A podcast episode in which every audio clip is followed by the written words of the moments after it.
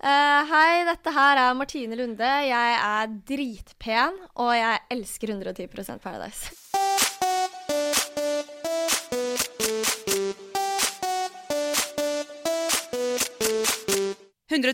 Paradise.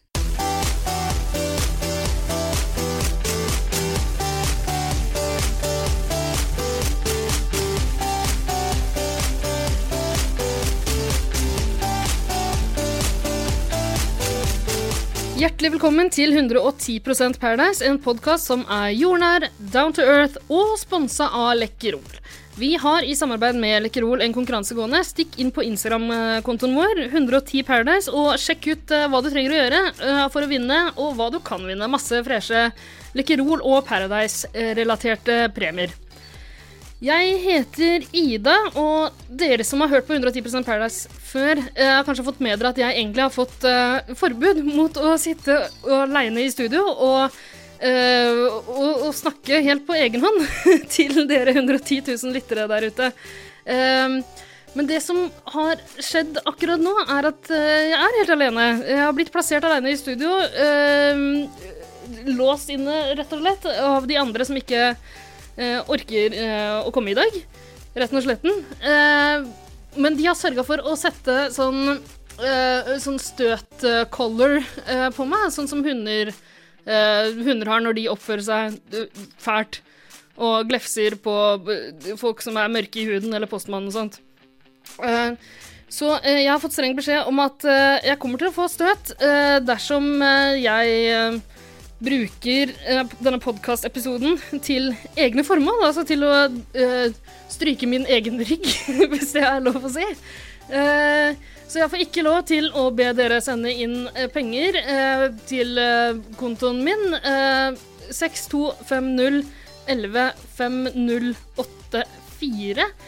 Altså, det er altså strengt forbudt, så det skal jeg ikke gjøre. Ikke oppfordre folk til å donere en pengesum til meg mot å oppnå frelse, f.eks. Jeg får heller ikke lov til å komme med for grove eller rasistiske utsagn. Så jeg skal prøve å holde meg i skinnet, hvis det er lov å si. Og eh, rett og slett lose dere gjennom denne vesle eh, bonusepisoden, må vi vel kunne kalle det, av 110% Paradise. Eh, det er en bonusepisode som inneholder en del opptak fra den store finalefesten til Paradise Hotel. Der var nemlig jeg, der var Ingvild, og der var ikke Eirik. Eh, Eirik turte ikke å se grundig inn i øynene mer etter alle de litt sånn usømmelige bildene han har, han har sendt til Grunde og ikke fått noe svar på. Eh, så derfor tok vi med oss en vikar for Eirik, nemlig Tara Lina Shahin, også kjent som Lasarona på, på internettet i cyberspace. Så um, Tara er jo uh, Perra-fan, det vet kanskje dere som har hørt en del på oss fra før. Hun uh, har vært uh, Hun har vært programleder, gjesteprogramleder i en episode tidligere. Hun er et Perra-leksikon uten like, og hun koste seg glugg på finalefesten. Det gjorde vi alle sammen. og det er altså det du skal få høre litt sånn opptak fra nå. Vi hadde med oss en opptaker på festen. Prata med en del deltakere, prata litt med hverandre, og øh, jeg kan jo si med en gang at det er nok litt sånn dårlig lyd på en del av de opptakene. Det må jeg bare beklage. Får ikke gjort noe særlig med det. Uh, orker ikke å høre på opptakene så mange ganger. Rett og slett fordi jeg skammer meg litt over all uh, fyllepraten. Så derfor kan jeg ikke drive og tukle for mye med lyden på det. Jeg tror ikke jeg klarer det heller, for å være helt ærlig. Uh, så OK, opptak med litt dårlig lyd, noen med bra lyd, noen som er veldig morsomme, noen som ikke er så morsomme, kanskje. Uh, jeg tror vi rett og slett skal starte ballet med et opptak uh, snart, fordi nå, fikk jeg et sånt rolig lite støt i, i uh, denne bikkje-color-greia mi. fordi jeg snakka altfor lenge. Så OK. første opptak vi starter med, starter ballet med kanskje den personen, den Perra-deltakeren jeg var aller mest glad for å se på finalefesten, nemlig Henrita Ottervik. Henrita, eller eh, Henote, eh, som hun eh, velger å kalle seg sjæl, kom bort til oss flere ganger i løpet av kvelden bare for å prate. Det var kjempehyggelig. Men det vil også si at jeg rakk liksom ikke å skru på opptakeren så kjapt alltid. Så det dere får høre nå, er et slags intervju med Henrita, som starter med at hun og den andre kjendisen som sto iblant oss der og da, Tara Lasarona, Eh, sto på en måte runka hverandre litt grann som de kjendisene de er. Sånn uh, Kjendismingling. OK, så her kommer altså Henrita. Men mye, da. Jeg vet er. Er dere fans av hverandre, Henote og Tare? Ja. Jeg er i hvert fall veldig fan av Henote. Så bra. Møte mellom eh, idoler. Ja, jeg er Star Trek nå. Eller Star Trek, som alle sammen sier. Det heter Star Trek i Mexico. Star Trek i Mexico, men eh, har du ikke mellom ørene, så heter det Trek Helt riktig. Du, eh, hvordan er det for deg å se på den finaleuken her nå? Når du, altså, å se igjen hver gang hjertet ditt knuses og noen ikke velger deg inn. Hvordan å se det? Eh, for å være helt ærlig, så den da, første dagen da, Martine Lunde var demonen, så skulle jeg se den episoden, så begynte jeg å skrike. Fordi at det var som å bli dratt tilbake til Mexico og få de samme følelsene slengt tilbake til deg. Så jeg ble veldig rørt i den episoden, i hvert fall den samtalen vi har der jeg knekker sammen. Og den uka der var veldig, veldig tøff for meg. Så det var veldig rart å se på TV, men eh, det går bra nå. Ja, nei, det var megatrist å se på også. Eh, men hvorfor ble du så lei deg for eh, at nettopp hun valgte deg? Jeg ble veldig lei meg for at eh, Martine valgte meg, fordi at eh, vi var veldig, veldig veldig gode venner på hotellet. Det kommer ikke så godt fram, men jeg og Martine var våre nærmeste, og vi gikk alltid til hverandre da det skjedde ting vi ville snakke om. Og jeg trodde aldri hun kom til å gjøre det der mot meg, men eh, ja, derfor var det veldig, veldig trist da det skjedde. Men det var jo ikke det største sviket som skjedde mot deg i det hele tatt. Det der var første sviket, og så skjedde det flere. Ja. I need my alcohol in this hotel. Petter har lært seg trøndersk. Er det du som har lært den, eller? Nja, nei. Jeg tror Petter er bare stor fan av meg, så ja. De fleste er vel det. Tror det. Er det noen på hotellet du ikke har kontakt med i dag? Um, det er ingen i hotellet jeg ikke har kontakt med i dag. Eller Hvem på hotellet er det du liker minst? hvem på hotellet jeg liker minst? Hvis du måtte velge én som måtte bli igjen på den filmen der, hvem hadde du valgt? Det er vanskelig svar, altså. Altså, en som måtte bli igjen i Mexico, som ikke fikk lov til å komme tilbake til Norge. Det er sånn jeg liker hele gjengen i år, og det ingen jeg har noe imot. Ikke Grunde engang. Ikke Grunde engang, nei, nei, nei, nei, absolutt ikke. Hadde du spurt meg da, hvis dere hadde intervjuet meg i Mexico, så det er jo Men nå så er jo liksom alt OK, men der og da, fy faen så lei meg jeg var der og da, men ja. Altså å tar med seg fucking Sofie tilbake framfor meg. Du sier jo også til han på et tidspunkt han kommer, hun kommer til å slippe kulda, og da sier Grunde nei, jeg tror ikke det. Ja. Det må ha vært en ganske god følelse det hun slapp kulda, selv om det var trist på hans vegne. Eh, det var en sånn halv-ish god følelse da, slapp, da Sofie slapp kula, fordi jeg hadde jo sagt det til henne at du burde slippe kula. Og han gidda ikke å høre på meg, fordi Det vet jeg ikke hvorfor han ikke hørte på meg, men Men eh, ja, det var sånn Jeg sa det jo dagen før at eh, hvis du ikke hører på meg, så velkommen til juryen. Så dagen etter tenkte jeg bare fy faen, velkommen til juryen. Jeg prøvde å si fra til deg, men du gidda ikke å høre på meg, så ja. Han kan få det sjøl. Ja, det er grusomt. Eh, Det er det tristeste jeg har sett noen gang på Det er det, ja. Det er veldig, veldig trist, det syns jeg òg. Men så var det litt sånn Du vet, da Grunde valgte Sofie over meg, så tenkte jeg jo hva i helvete tenker du med? Hvorfor i helvete tar du med partneren til Morten tilbake til hotellet? Hva tenker du med Det er jo jeg som partneren din, du vet at det er meg du kan stole på. Og i tillegg kunne jeg dratt veldig mye stemmer, mener jeg da. Og så i tillegg så vet man jo at siste uka handler veldig mye om tillit. Det er alltid ofringsseremoni, og det hadde man ikke hatt ennå. Så selvfølgelig blir det noen ofringsgreier når man aldri har stått sammen. Og hadde han tatt med meg tilbake, så hadde ikke det der skjedd. Så da han valgte Sofie, så ble jeg bare paff og tenkte bare OK, greit, du får ta Sofie, så får vi se hvor bra det går. Og så bestemte jeg meg egentlig for å ikke gi henne noe heads up, fordi det var et veldig dumt valg. og ja. Men så prøvde jeg å gi ham en heads up, og han lukka ørene. Og da kan han for det sjøl. For skylde seg sjøl. Men uh, var det vanskelig for deg å velge hvem du skulle gå til? Og da finaleparene på slutten? Eh, det var litt vanskelig da jeg skulle velge hvem jeg skulle gå til. Og jeg tror kanskje noen kommer til å reagere på at jeg kanskje er bitter når jeg tar valget, men det er jeg absolutt ikke. Det jeg hadde i bakhodet var hvem som fortjente hvem som har stått sammen lenge. For at du må ikke tenke på hvordan enkeltpersoner som fortjener Paradise, du må tenke på hvordan par som faktisk har stått sammen og virkelig jobba sammen og virkelig har gjort ting for hverandre som fortjener det. Du er rettferdig helt til siste slutt. Jeg prøver å være rettferdig, ja, det gjør jeg. Og jeg stemmer på det paret jeg mente fortjente, som faktisk hadde gjort alt for hverandre innpå der, og som virkelig hadde backa hverandre opp. Fordi du skal ikke stemme på én vinner, du skal stemme på to. Så ja. Men du, eh, det her er andre året du er med på Paradise Hotel.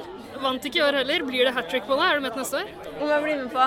Er det, blir du med til neste år? Jeg blir med på neste år hvis du melder meg på.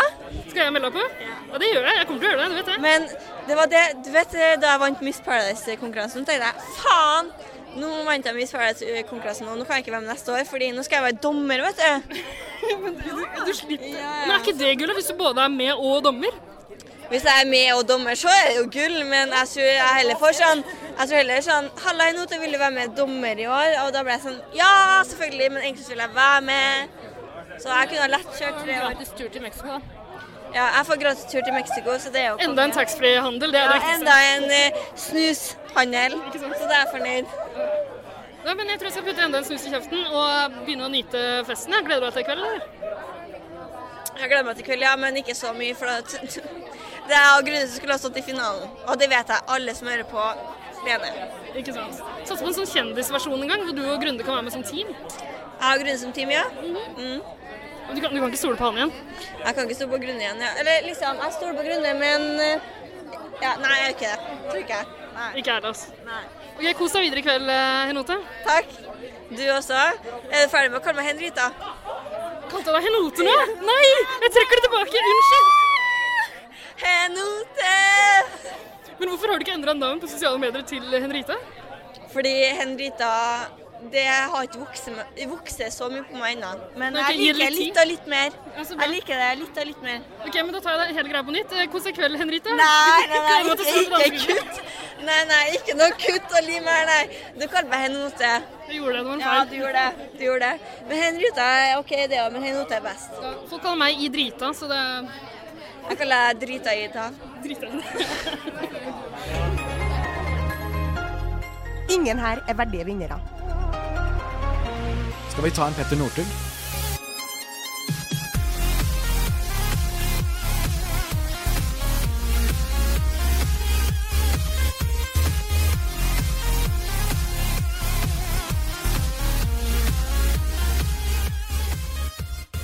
Åh, jeg er eh, fortsatt litt fyllesyk, hvis jeg skal være helt ærlig, etter den der Paradise Hotel-finalefesten. Uh, men det syns jeg vel egentlig bare hør og bør seg. Det, det er sånn det er. Altså, det, det, det sømmer seg egentlig å være litt sånn småbrisen uh, når man går rundt og leker presse på uh, Paradise Hotel-finalefest. Det syns jeg virkelig. Uansett, eh, første intervju var altså i boks med Henrita, og så fikk endelig Tara møte den Paris Hotel-deltakeren hun kanskje hadde gledet seg aller mest til å treffe i løpet av kvelden, nemlig Grunde. Jeg tror kanskje Tara har en liten crush på Grunde. Iallfall, Grunde svarer jo ikke lenger på meldingene og henvendelsene jeg sender til ham, uansett hvor fine dickpics eh, det er. Eh, jeg lurer på om han kanskje er litt sånn furten etter all hetsen som jeg har kommet med i løpet av en hel sesong med 110% Paradise, så det er kanskje litt grann forståelig. Uh, uansett, Tara hadde han ikke noe problem med å snakke med, så uh, det ble et ganske fint intervju, tror jeg. Eh, her kommer det, altså Tara som intervjuer Grunde. Grunde? Hei. Hei. Hvordan føles det? Føles veldig bra. Du hadde jo en ganske kjip eh, ende på Det var en ganske kjip ending på ditt Paradise. Ja, litt kjipt, men eh, det gikk fort over. Men jeg, det jeg lurer på, for jeg så det, jeg syntes jævla synd på deg. Og så tenkte jeg sånn Da Sofie slapp kula, hva, tenk, hva var den første tanken din? Hvis du først har sluppet kula, så får du faen meg klare å knuse den. Enig, enig. Men tenkte du sånn Faen, jeg skulle løpe på kanskje Nei, nei, egentlig ikke. Nei. Jeg tenkte egentlig at det ble kjempa hardere for eventuelt uh, stå med Lunde.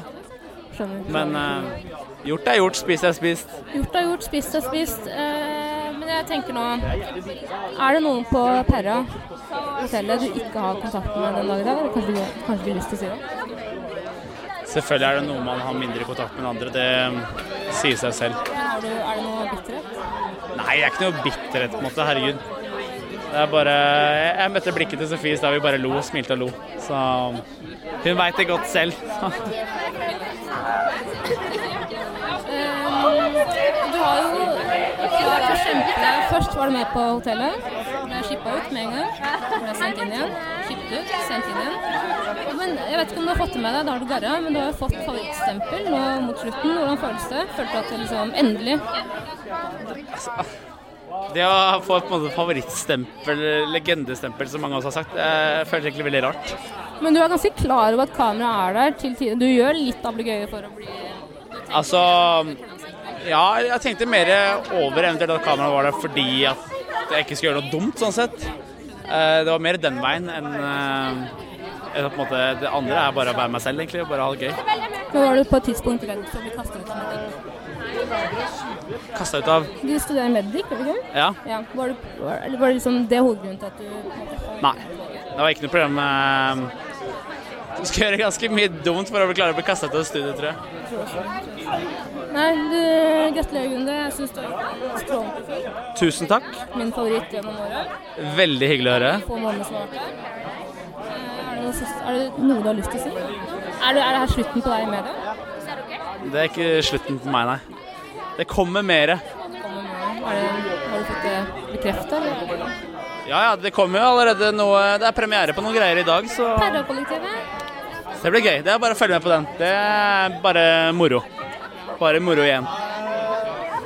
Takk skal du ha. Bare hyggelig.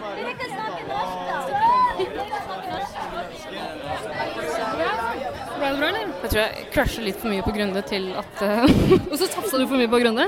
Nei, jeg crusher for mye på Grunde til at det kunne blitt ordentlig intervju. For jeg, jeg, jeg merker at stemmen min brister. Jeg blir sånn eh, Gunne, eh, hvor- hvor- hvor- hvor- hvordan var det å Fikk du noe ut av det? Ble det noe på det? Nei, jeg ble ikke noe på meg, men han er jo drithyggelig. Han er kjempesøt. Herregud. Jeg, jeg sa til han Gunde, du er min favoritt. Så han tusen takk. Så sa jeg, men Grunde, du var klar over at kameraene var der. Du gjorde litt av det gøye for å bli sett. Så han, ja, vet du hva. Jeg tenkte egentlig mest på hvordan det kom til å fremstå. Da tenker jeg, vet du hva, det er helt bra svar. Men han er favoritten din. Du vet det er feil favoritt, ikke sant? Nei, jeg Man kan si mye om Grunde. Han har gjort mye. Han har gjort mye rart. Han har gjort mye dumt. Hvem har ikke det? Hvem har ikke det, tenker jeg. Hvem er det som er full på Perra-finalen som journalist? Det er jeg også, faktisk. Jeg tror ingen vil lære seg å spy nå. Kødder du?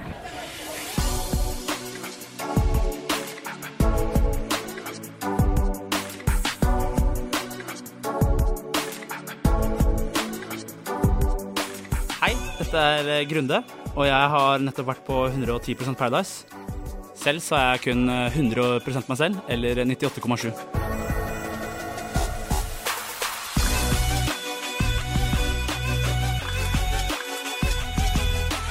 Det høres jo egentlig ut som Tara og Grunde kom veldig godt overens. eh, Og Tara har åpenbart en crush på Grunde. Det er egentlig ganske forståelig. Altså, eh, fyren er megakjekk og sprø som et knekkebrød. Altså akkurat Taras type, altså. Nu vel, eh, en eh, person, en Paradise Hotel-deltaker som jeg kanskje har en eh, litt sånn overraskende crush på, er muligens Andrea. Andrea har også fått litt sånn tyn fra oss i løpet av denne sesongen her, av 110 Paradise. Og det var hun også ganske klar over, dessverre. Hun hadde fått med seg det, så hun kom rett og slett bort for å skvære opp. Og eh, jeg rakk akkurat å få på plass eh, opptakeren der også, stikke den opp i, fjeset hennes, eh, høflig som jeg er. Eh, så vi fikk eh, et aldri så lite intervju med Andrea også. Her kommer det. Hei, Andrea. Du sier du har hørt litt grann på 110 Jeg har hørt bitte litt. Jeg har hørt den ene gangen med han eh, gutten av dere likte meg fordi jeg kjefta på Markus. Det er det jeg har hørt. Ja, men det, eh, det likte jo jeg også. Ikke bare kjefta på Markus. Det var Stemmer, OK. Så Markus sprang rundt for å redde en eller annen. Han sprang rundt for å redde seg selv, egentlig. Fordi han prøvde jo å redde Morten, eh, hermetegn, eh, men det er fordi han ville redde seg selv. For jeg visste jo at hvis Morten gikk til meg, så kommer han videre. Men det likte Ja. faktisk, at du gjorde det. Det er så hyggelig. Eneste gang dere har likt meg, det er koselig. Da var du knallhard. Bare nei, nei, nei, bare drit i det. Her er patetisk. Jeg er knallhard på Paradise, men jeg har egentlig følelser. sånn i virkelig liv så har jeg følelser. Jeg er egentlig hyggelig. Ja, men herregud, altså, jeg tror ikke vi tviler på at du har følelser. Det blir kanskje bare litt mye Kjempegøy! Ja, men jeg kan ikke det for det. Jeg blir glad, så klapper jeg. Du har ikke klappa én gang etter at du møtte oss? Nei, ikke ennå. Jeg har ikke vært glad? Jeg er ikke glad når jeg møter dere. Nei, men, Nei, men jeg lover jeg har prøvd å venne meg deg i så mange år. Jeg har prøvd. Vennene mine hater det. De bare 'Kan du gi faen i den klappinga?' Og jeg bare Ja! Så dere siste episode i går? Jeg sitter sånn. Jeg folder hendene. du prøver hardt Ja, det er fordi jeg prøver ikke å klappe. Det er fordi jeg vet jeg klapper hele tiden. Og de sa det jo der inne da. Du bare Du klapper hele tiden. Jeg bare Ja! Jeg klarer ikke. Men Vi har jo også sett uh, finalen. Det her blir ikke publisert før etter at det er sendt. Um, du klappa ikke så veldig mye etter finaletroskapsseremonien? finale troskapsseremonien. Klappa ikke så mye, da. Du hissa deg litt opp. Ja, men det var det at eh, Ja, det var mange grunner til det. Men eh, når folk begynte å forsvare valgene sine med ganske dumme påstander, så ble jeg litt irritert.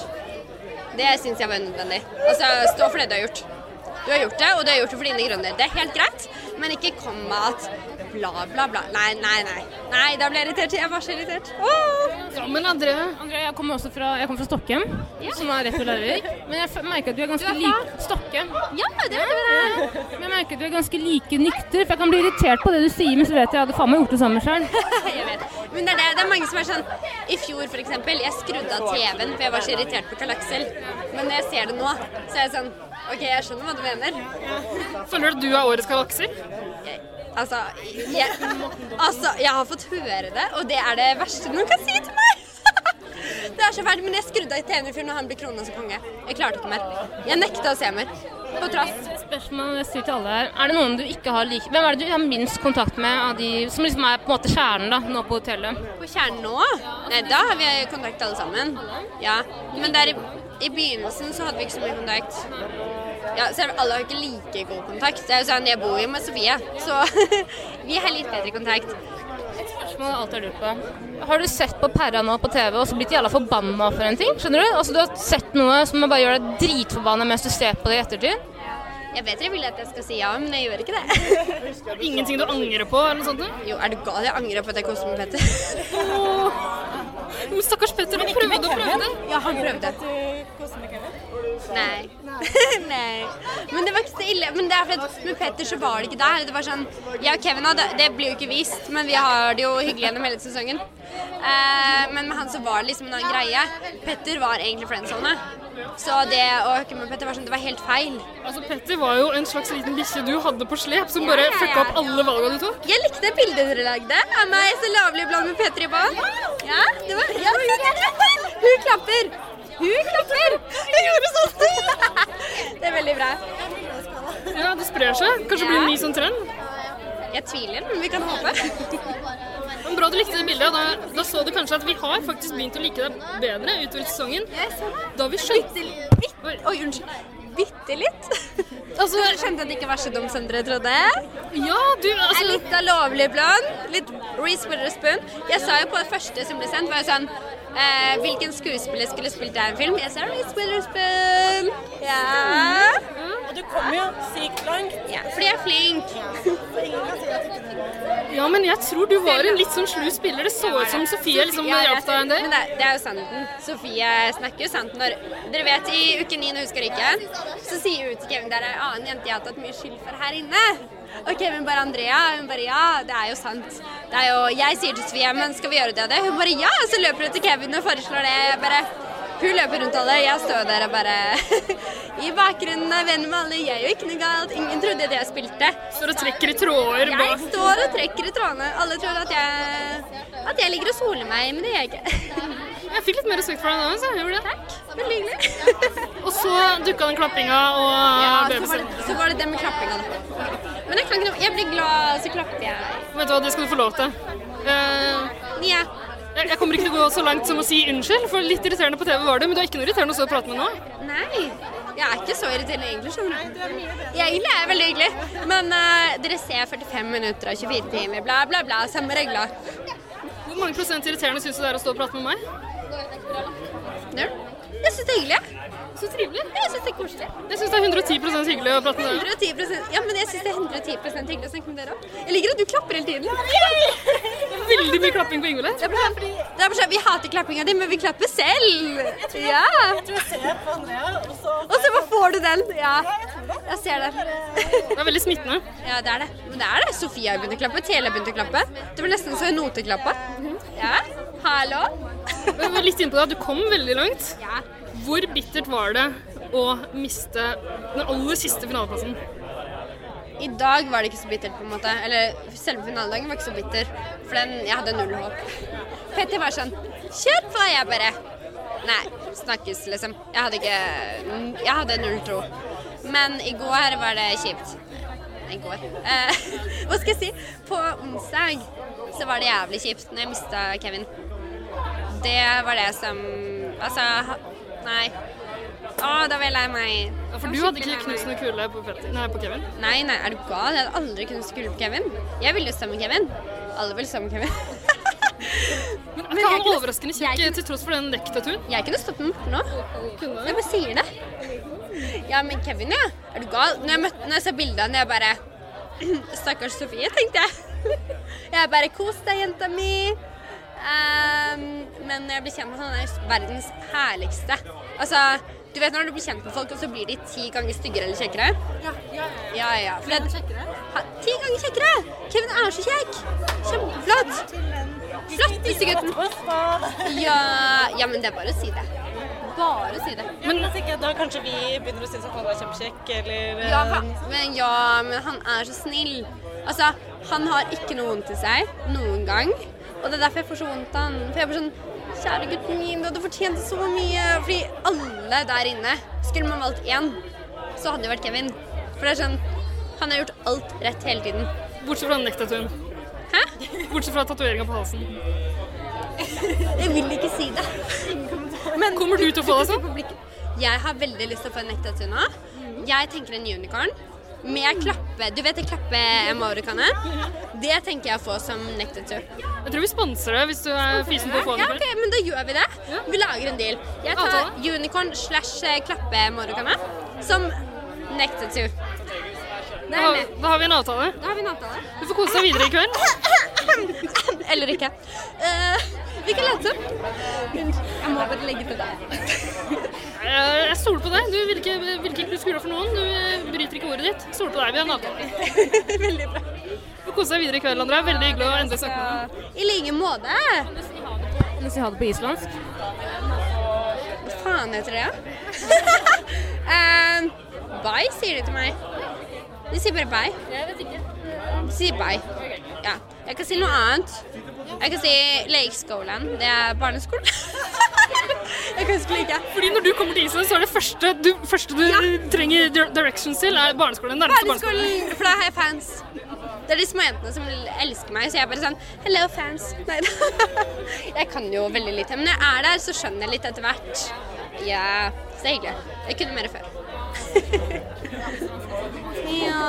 Hva sa du, Tara? Nei, jeg sier sånn når jeg er i Iran, eller når jeg er i Iran, eh, så drar jeg alltid Til en barneskole. i, på en barneskole. Så lærer jeg sykt mye etter hvert, men jeg kan ikke så mye når jeg kommer ned. Men Sånn er det. Nei, men vi skal vel lære mye etter hvert utover eh, kvelden, vi òg, skal vi ikke det? Det tror jeg på. Det blir mye interessant hvis dere blir med på Rockefeller. Klart vi skal det. Vi ses på dansegulvet. Det gjør vi. Det blir veldig hyggelig. Jeg gleder meg. Takk skal du ha. I like måte. Jeg liker det.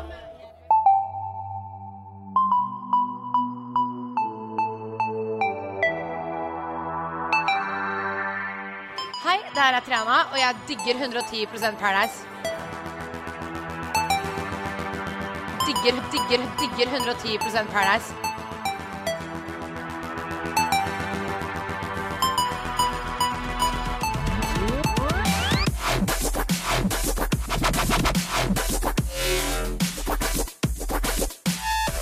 Ja, Andrea var ikke så skummel som jeg trodde i det hele tatt, altså. Men eh, på det tidspunktet her så begynte folk å bli ganske fulle. Noen mer så enn andre. Eh, blant de fulleste var nok kanskje oss, og selvfølgelig Henrita, som kom tilbake igjen og begynte å fortelle en del sånne hemmeligheter, sånne behind the scenes-hemmeligheter fra Paradise Hotel. Eh, og da vi spurte om vi kunne få eh, en hemmelighet på teip, så gikk det egentlig ikke helt som vi trodde. Eh, men det som skjedde, er at etter hvert kom eh, også André tuslende bortover med et ganske sånn medium pimpen eh, antrekk. Han hadde med seg en stokk, og en spaserstokk, og en hatt, og full pakke. Så her får dere høre en liten reunion mellom Mr. og Miss Paradise 2017. Eh, men det starter altså med at eh, Henrita annonserer at hun skal fortelle en eh, hemmelighet. OK, eh, Henrita. Kjør på med en pærehemmelighet. Jeg har verdens største hemmelighet på lager her nå. Og det er at drita Ida er Jeg kan bare kalle deg Ida. Og det at Ida-drita kommer inn i finalen og knuser kula til Grunde. Nei, han står ikke i finalen. Du må ikke si det til folk, da vet folk både jeg og Nei, det, det jeg mente jeg var at uh, Drita-Ida Nei, Ida-drita, mener jeg. Hun eh, kommer på offerseremonien og knuser gula til Grunde fordi at hun virkelig vil ha ei inn igjen. Men så er hun litt for sein, så Sofie slipper kula før hun rekker det. Og egentlig så burde ikke den kuleknusinga her telles, for den knuste hun ikke engang. Det var en sånn ballong som bare havna på bakken uten at det knuste. Jeg bare, jeg, du vet at det har skjedd, så tenker jeg sånn Wow. Det der håper jeg virkelig ikke telles. Jeg sto, jeg, jeg sto så på grunnen sånn Slipp den, slipp den, slipp den. Men så gjorde den ikke det. Det skal jo knuses. Det er jo førstemann til knusing. Men så knuste han ikke, så da tenkte jeg bare sånn Grunde, kom igjen, slipp den. Og han sto jo som sånn Babyen vår, babyen vår. This is my baby, you know. Ja, så bare sto han der. Uh, sluppet kula. Hadde jeg vært han, så hadde jeg bare knust den med foten. Liksom. Ja, ja. Ok, Jeg tror jeg skal ha litt angst for å høre det her i morgen, men altså Si hva du vil, snakk fra levra, så kommer du langt her i livet. Enig. Du, si faren min doktor 69 også. Faren din husker på podkasten vår så trodde at pappa var Hva, hva het den igjen? Doktor 69. Doktor 69? Var det du Ja, ja. Ja, ja. Hilsen pappa. Å ja. Wow, hvor treg er jeg? Hvor treg er jeg? Nei. Pappa pleier absolutt ikke å du hva, Hvis pappa noen hører det her, kommer han til å slenge meg i veggen, tror jeg. Jeg skal sørge for ikke å si det til faren din når jeg ringer han i kveld. Det er bra. det er bra. Kanskje du har sjanse? Nei, han er gift, dessverre. Herregud, jeg har aldri latt uh, meg stoppe av det før. Det syns ikke jeg noe om. Drit i det. Skal jeg la være å si det sånn neste gang. Jeg syns ikke om det likevel. Alt Ida sier er sant. Alt Ida sier. Nei, hva jeg kalte jeg først? Det var sommeret. Ida-drita. Ida-drita. Ja, Ida-drita. Ja, Ida-drita. Ida-drita, hva har du til forsvar når du faktisk prøver på folk som er gift? Ikke prøv deg på faren til Henrita. Når de er så heite som doktor 69, så klarer jeg ikke å la være, ass. Sorry, pappa, du er for heit. Men eh, ja, det går bra. Jeg tror pappa trenger litt sånn boost innimellom. Men eh, han krysser aldri linja. Han er forelska i mamma. Ja, så eh, han kan ha et lite eventyr med meg, men aldri knuse kula på meg. Pappa kunne aldri hatt et eventyr med meg, dessverre. Kan du det? Jeg kan et eventyr deg. Jeg er alltid sånn Jeg vil på eventyr etter byen. Da vil jeg alltid ha en eventyrbuddy. Men uh, du tenker på et annet eventyr, det. Um, jeg tror det jeg får. Det er det jeg er for. Det eventyret du kan få, det vet, du vet når du er på byen, så er du jævlig full, og så sier de sånn plutselig sånn Lights off! Gå og legg deg! Så er det sånn wow! Jeg er faen ikke ferdig engang. Så er det sånn wow. Ja, ja. Så bare blir alt slukka, og alle bare drar hjem. Så jeg kan bli sånn What the fuck just happened? Jeg er på eventyr. Da kan du være eventyret mitt. Ja, men det, det, Ikke sånn eventyr hjemme i senga, men at vi skal liksom gå ned Oslogata og bare dra på tivoli, dra på BK, dra på Jeg vet ikke hva man gjør i Oslo. BK? BK. BK, hva er det for noe? Burger King. Wow, you stupid match. Hallo. Ja, nå føler jeg meg litt dum. Nå føler jeg meg litt dum. Det er bra, det. Så der kommer André også. Wow, André blir med. Hallo. Hallo. Ok, vi kan Hallo. Du, Har du, se på den medium Du Hatt og stokk. hatt og Du skulle hatt eh, kamera nå, fordi at eh, jeg og Andreas tenkte å komme ut med at vi var kjærester i dag. Ja, vi har, vært, vi har vært kjærester i over et halvt år. Gratulerer. Vi var til og med Før, sammen før Perra. Ja, ja. Vi, vi ville bare ikke vise det til folk. Ja, nettopp. Eh, grunnen til at Henota er altfor pen. Ja, jeg skjønner Eh, at og hun jeg vil, jeg vil hun liksom skammer ikke at, litt, liksom, over jeg vil deg, liksom ikke at andre gutter skulle på en måte vise at Altså på en måte prøve å ta den fra meg, da. Men så, Nei, det skjønner jeg. så gikk du bak rundt og slo opp inni på du da. Altså, Likevel kalte meg den største bitcha på PA. Så ja. Hvem var det som sendte meg på huet ræva mitt derfra? Det var jo for at vi skulle ha det sykeste. Ja, vi var jo kjærester. Ja, ja. Nei, men jeg har og Henota er jævlig gode venner. Vi, eh, vi koser oss kjempebra i lag. Ja, og jeg tror kanskje det her er litt interessant, fordi at Hør her nå. Vi snakker om eh, eh, forholdet vårt. Eller er det interessant? Ja, kjør på. Ja. Ja. Forholdet vårt var det at eh, da han sjekka ut, så var jeg jævlig lei av ham. Du fikk, du fikk med at jeg hadde den oppi halsen, og jeg var lei av den og ville ha den ut. Og likevel, ha- du sa jo det, at du var lei av meg, han ville ha masa ut. Og så røyk han jo, og det var jo jævlig bra for min del. Og jeg var bare sånn Bye, bye, André. Ha det. Lost med Grunde. I'm happy, you know. Og så plutselig kommer du fuckings tilbake. Og jeg tenker bare sånn wow. Og det, det er så sykt at de ikke tar den på TV, fordi at når han kommer tilbake, tenker jeg bare sånn Jeg skyter meg sjøl i hodet. Jeg sånn wow, nå ryker jeg. For han visste jo at hva jeg gjorde. Altså, jeg dolka han jo i ryggen halvveis. Ja. Halvveis? Du dolka meg i ryggen altså, Ja, ja. altså, jeg mener sånn dolk i ryggen. ja. Så Men du var ikke så ute etter hevn sånn eh, Nei, altså Nei, kjør nå, så tok jeg kan du fortelle, jeg tok det til sides den kvelden her. Ok, fordi Med en gang jeg sjekker inn på Paradise, eller altså når jeg sjekker inn på nytt, eh, så legger jeg merke til at Henote og både Morten er veldig nervøse fordi de ser at det kommer et brev. Og da er de veldig nervøse for hva jeg kommer til å si, og det bare står at jeg er låst med Lunde. Eh, men ut, ut, utover den kvelden da, så tar Henote meg til siden. Jeg tok, to meg til TV. Nei, den tok ikke med. Men i hvert fall utover kvelden så tok Henote meg til siden og satt oss på, vi satt oss ved de stolene borte ved, oppå toppen rett ved siden av Polen. Og hun begynner å forklare at hun var lei for det, og hun ville på en måte Vi sa til hverandre at vi var veldig lei Sorry, vi var veldig lei av hverandre på den tida jeg sjekket ut. Men med en gang vi hadde den samtalen der, så åpna forholdet vårt til en helt annet nivå. Jeg og Henote begynte å kysse hver eneste dag. Ikke noe sånn Vi gjorde jo det, men det var ikke noe, det var ikke noe Ok. noe telttur, det ble ikke. Ja, var Kjære nå, nå kan jeg forklare det i korte settinger her nå. Kjære nå, jeg og André vi har vært partnere, og vi hadde det jævlig bra sammen. Og så ble vi Miss Mrs. Paradise sammen. Og så skulle vi ta et jævlig stort valg sammen. Og han spilte annerledes enn meg, og jeg spilte annerledes enn han. Ja. Og derfor ble vi uvenner, og vi fikk hverandre opp i eh, sjakene. Og så Du ville ta ut de sterkeste, hun ville være snill. Ja, altså, Ja, ja, han ville ta de sterkeste, og det var ikke det handla om at jeg ville være snill, eller, men jeg hadde jo en plan om å ditche han. Og han Nei, nei, sorry. hadde du faktisk det på Wish du, du? Ja. Nei, nei, etter vi vant, ja. Etter vi, Etter- vi vant, så fant jeg ut at vi passer ikke sammen i det Nei, nei, det er sant, i det hele tatt. Ja, så, altså, jeg trodde jo at André var uten følelser, for jeg visste jo ikke at det var følelser. Nei, nei. Så han var jo sånn, kjør på, bare gjør det og det og det.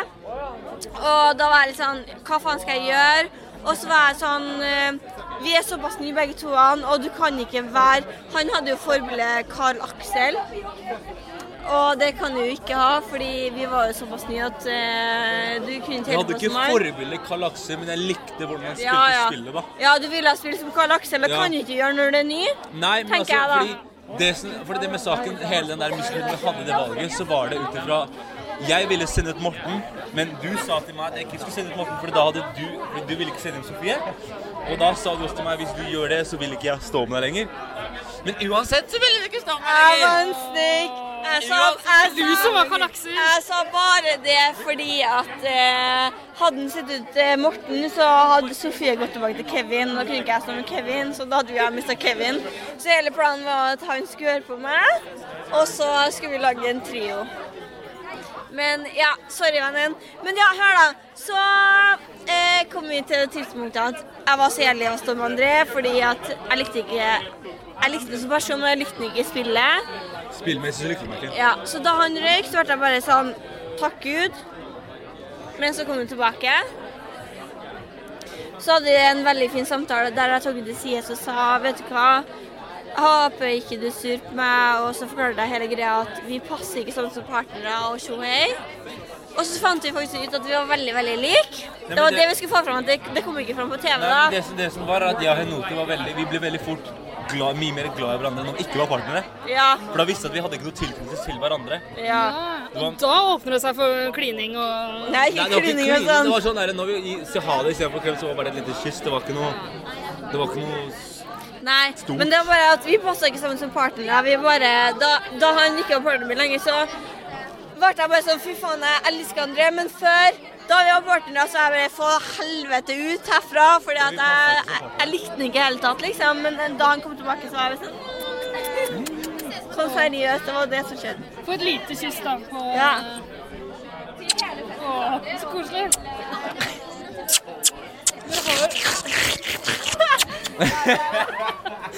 det er nydelig. Vet du hva, du ser helt rå ut i dag. Du jo, du er jo pimpen iblant oss. Ja, men altså, jeg ville, være, jeg ville ikke være normal. Jeg ville være Kane og Stock, og det er min egen klescollection. Den skjorta her er min egen klesstil. Er det sant? Så det er noe jeg har fått design fra London fordi jeg driver starter min egen klesselskap. Du får ikke lov til å reklamere for den eh, hos oss, dessverre. Nei, nei, selvfølgelig ikke. Jeg bare sier at det er det jeg er. Jeg er meg. Det er det du skulle bruke Mr. Paradise-famen din på, ikke sant? Nei, altså Mr. Paradise var egentlig fordi hele den, hele den uka var veldig sånn Alle var så jævlig nervøse pga. de, de, de, de turte ikke å stå foran Men altså det, det stå, stå foran en gruppe, da. Men jeg tenker sånn, Du kjenner oss. Selv om du driter deg Der så du sikkert drite deg enda verre forrige uke. Så det jeg tenkte var bare kjøre på hver meg selv. Så jeg kjørte jo på og ga 110, 110 110 på liksom selve showet da, og bare var meg sjæl. Jeg skal ikke si at jeg ikke var nervøs, jeg var jo nervøs. Men jeg prøvde å liksom holde meg litt tilbake og hjelpe de andre, da, for jeg visste at jeg hadde en, en plan på hvordan jeg skulle gjøre det. Jeg hadde ikke noe, når jeg sto i spørsmålsrunden, så var jeg jævlig nervøs, fordi jeg trodde liksom Jeg trodde faktisk Morten og Sofie kom til å vinne pga. spørsmål. De er smartere sånn sett enn meg. Men de, de feiga jo helt ut på. Morten frøys i som faen. Altså, jeg ble helt sjokk. Når jeg så episoden, så var det sånn derre Hæ? Hvordan går det? Fordi jeg var, jo- jeg var jo på bakrommet og liksom venta på liksom min tur, da. Eh, og når hun, eh, Triana og eh, Kristine sa liksom navnet mitt, så var det helt sånn Jeg gikk i jubel. Men da, samtidig som hun lot det, jeg ville jo bruke makten på noe jævlig stort. Og det har til og med mange av de fansene sagt at de har lyst til at de, de, de syns synd at jeg brukte noe stort, da. Men eh, jeg er veldig takknemlig for at jeg har vunnet den tittelen, og jeg håper Det er blitt en paralegendale? Ja, det Jeg har blitt en uh, Mystery Paradise for uh, 2017. Så jeg er veldig glad for det. Gratulerer med deg. Det skal du feire i kveld, ikke sant? Ja, selvfølgelig. Selvfølgelig. Jeg skal feire slutten på sesongen og Mystery Paradise. Kos deg videre i kveld. da. Tusen takk, du også. Ha det. Hei, jeg heter Mayo, og jeg digger 110% Paradise. Jeg må ta det på nytt, dessverre. Hei, jeg heter Mayo, og jeg digger 110% Paradise.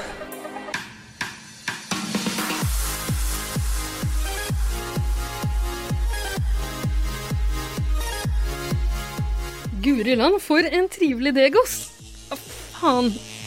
Nå fikk jeg sånn eh, støt av den derre bikkjekolleren min som er stilt inn på å snappe opp eh, eh, rasisme. Beklager det. Eh, altså, eh, elsker andre. Jeg elsker det. Jeg elsker eh, både hudfargen hans og eh, alt han sier og gjør, og ikke minst eh, stokken hans. Tenk å gå rundt med stokk ute i offentligheten, da. Herre freden. Jeg har fått streng beskjed av mine eh, nærmeste om at det ikke er lov å ha stokk eller kappe, eh, skjønner dere. Fordi eh, da er det fare for at man blir eh, kjent som kappedama, eventuelt pimpdama.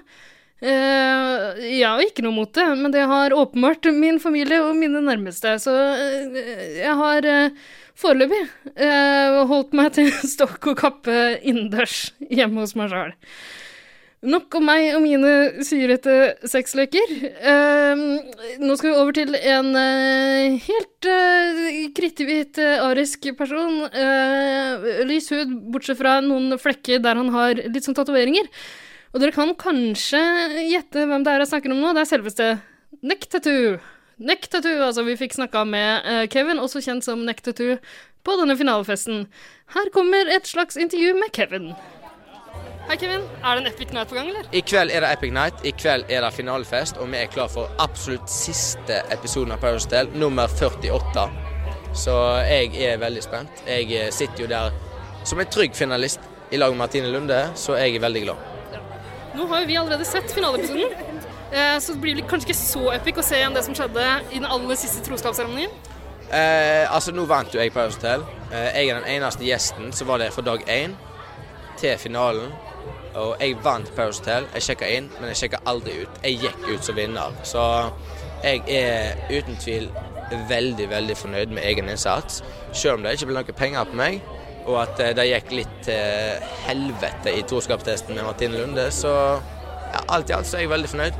Klart det er surt å ikke ha eller dele det i 300 000 sånn sett, eller dele de med eventuelt andre i juryen, men jeg følte dere som sitter i episoden, har ikke jeg gjort det ennå, men eh, jeg følte jeg tok eh, nederlaget som en mann, på en måte. Ja, det gjorde du absolutt. Du virka litt skuffa. Veldig forståelig. Eh, Men ja, tok det som en mann. Men eh, altså, herregud, jeg hadde jo klikka i vinkel og knust alle kulene i, nær, i nærheten av meg. Nei, men det var liksom sånn, Nå følte jeg at jeg har gjort en god figur hele sesongen. og liksom, Det var kun den troskapstesten som liksom sto igjen. og liksom, når hun smalt kula så relativt fort som hun gjorde, så var det sånn Lukka øynene i to sekunder bare OK, Kevin, nå, nå tar du deg sammen. nå, Dette er liksom the last, last moment. Her må du oppføre deg. Ikke mist hodet. Så det bare lukka øynene, bare satte fra meg kula stilt og rolig, og så bare sto jeg der og egentlig bare Ja, bare, det gikk egentlig bare på autopilot hele greia.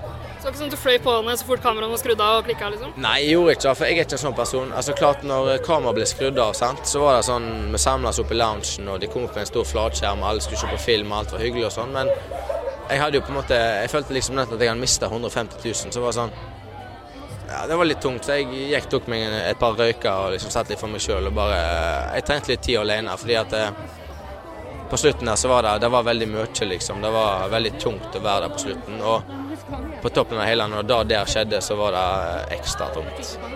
Nei, for som du sier, så du har jo spilt gjennom hele, hele sesongen og vært den som har klart å få ut folk hele tida, selv om de kommer tilbake gang på gang. Ja, da slo jo aldri feil at jeg var med å sende ut folk, eller sendt ut folk, at de kom tilbake.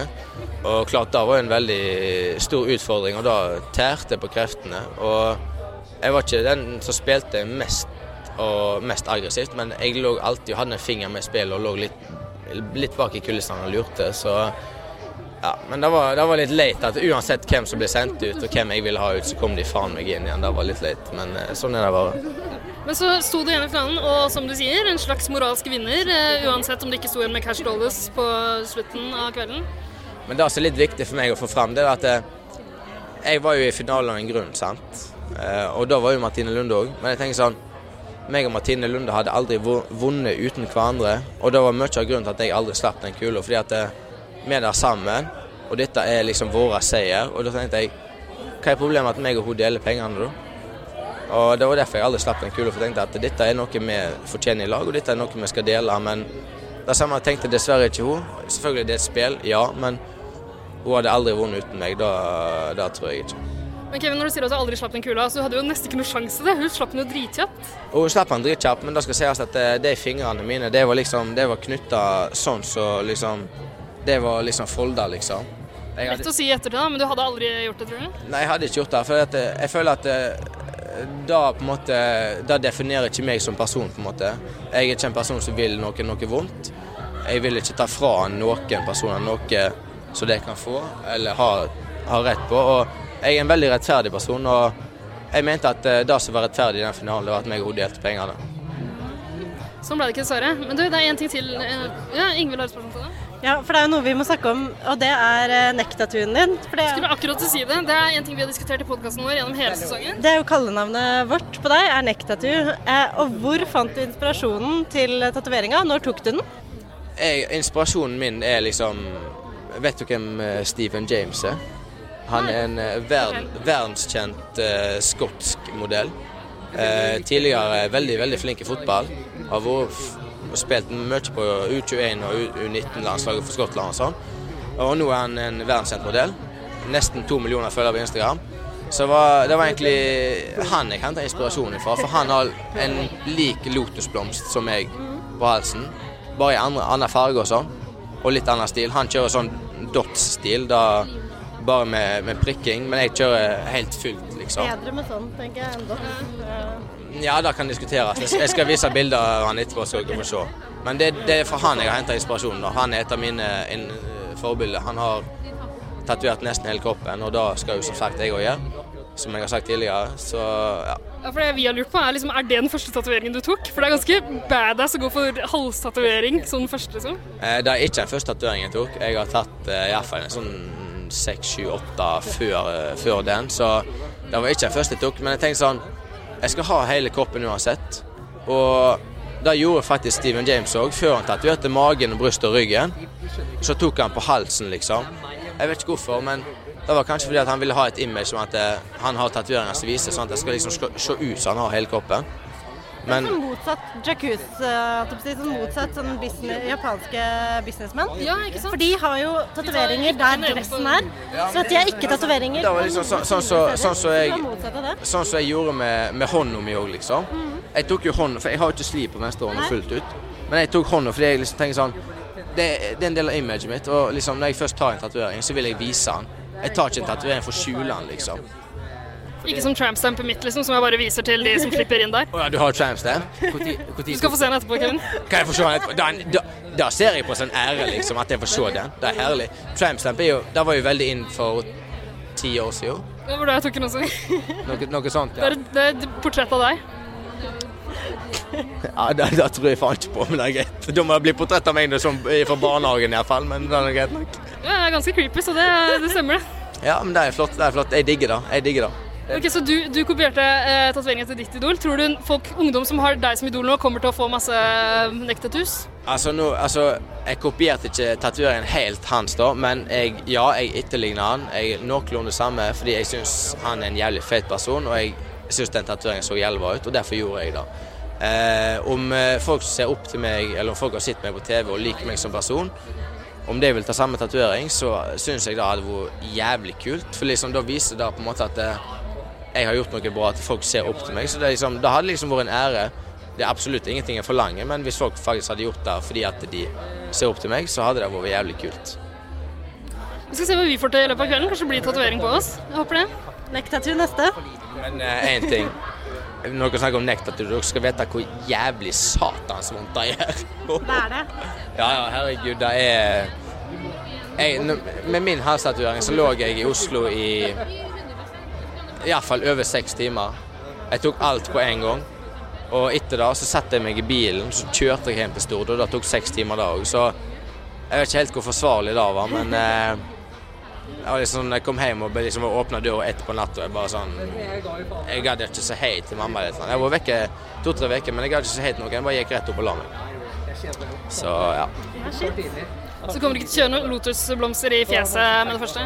Nei, altså fjeset skal jeg ikke tatovere i, men eh, jeg vurderer å ha oppi hodet, liksom, og bak i hodet, men eh, For det kan jo håret gro over, sant? så det er ikke så krise. Ja, Til du mister håret, da. Ja, ja, selvfølgelig, men altså Du tar jo ikke en tatovering for å skjule den, iallfall ikke jeg. Sjæl. Liksom, liksom Jeg føler at ansiktet ditt, da er, liksom, da er, da er identiteten din. Det er sånn du ser ut. Eh, Så da bør folk holde seg unna. Halsen er min identitet, så kanskje jeg skal, kanskje jeg skal vente litt. Ja, hvis det er din identitet, så må du vente litt, ja. Ja, men det, det var veldig hyggelig å endelig få treffe deg, Kevin. Vet du hva, Det var veldig hyggelig å endelig få treffe dere. Og Jeg er litt skuffa over at dere ikke har invitert meg på 110 Paradise, men jeg ser fram Jeg er til skuffa på våre vegne. Jeg, jeg ser faktisk altså, men, men nå tenker dere nå Nå må dere slappe av litt her, for nå tenker dere at jeg har vært her fra dag én. Ja. Jeg er eneste gjesten som har vært her fra dag én og kommet helt til finalen uten å røke ut. Og jeg sitter i finalen i episoden i kveld. Og du var den første eh, deltakeren med halstatovering som har gått finalen. Ja, sant, så jeg er liksom Jeg er mildt Mange first. pioner. Ja. Det er mye first her, men altså helt seriøst. Eneste deltakeren i år, så i dag en kom til finalen.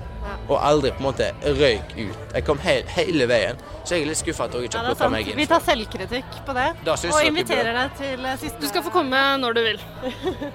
Ja, jeg kan få komme. Bokstavelig talt. Jeg kan, jeg få, kan, kan, jeg Komme kan jeg komme når jeg vil? Ja, men det er liksom, det er sånn, nå er det jo ferdig, så det er bare sånn faen. Nå gidder du ikke lenger. Jeg gidder selvfølgelig, men ta det litt asap, liksom, sånn at det liksom fortsatt er hot. Ja, ja. Ja. Hvor lenge tror du du fortsatt er hot? Jeg tror ikke at Paradise-famen vil vare så lenge, men nå har jeg på en måte fått ganske mange følgere på Instagram i forhold til hva jeg hadde da.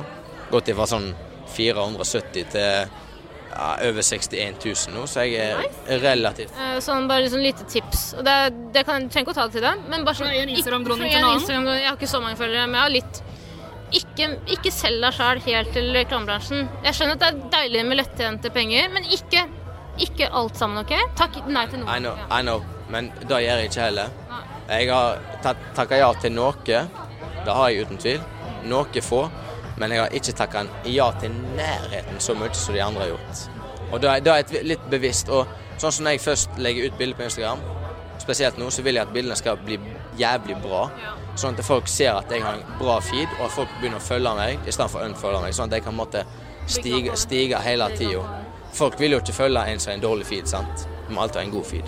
Men hvis vi sponser en 110% Paradise-tatovering i tilbakehodet, f.eks., da? Eh, Da, ta, eh, da takker ikke ja til. Men vet du hva, jeg, jeg, nå har jeg blitt litt kjent med Staysman, så jeg, han er kanskje med. Hvis han uh, får litt god PR, så er jo han lett med. Da får vi prøve oss på han. Prøv dere på han. Ja, så kommer vi til å prøve oss ganske hardt på deg utover kvelden også. Jo fyllere du blir, jo mer kommer vi til å prøve oss. Da får bare se hvordan det går. Hvis du har tatoveringsmaskin, så kan det godt være at det skjer noe. Ikke bakover, kanskje på foten. Ok, det Jeg, jeg, tenk, jeg tenker at det, så lenge det er en 110 Paris-tatovering, og dere får den på min kropp, så tenker jeg sånn, da bør dere være stolte. Jeg er enig i det. Jeg, ja, jeg er fornøyd med en på foten. Kan, ja, men du kan, ja, du er fornøyd med foten, men du kan ikke kreve en i bakhovet eller oppi hodet. Det blir litt feil.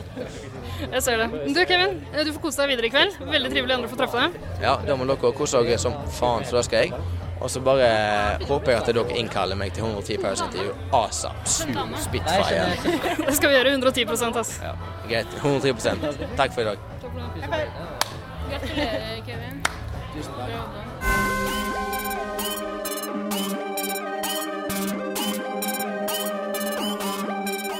Hei, det her er han Christian René, og jeg digger 110% Paradise.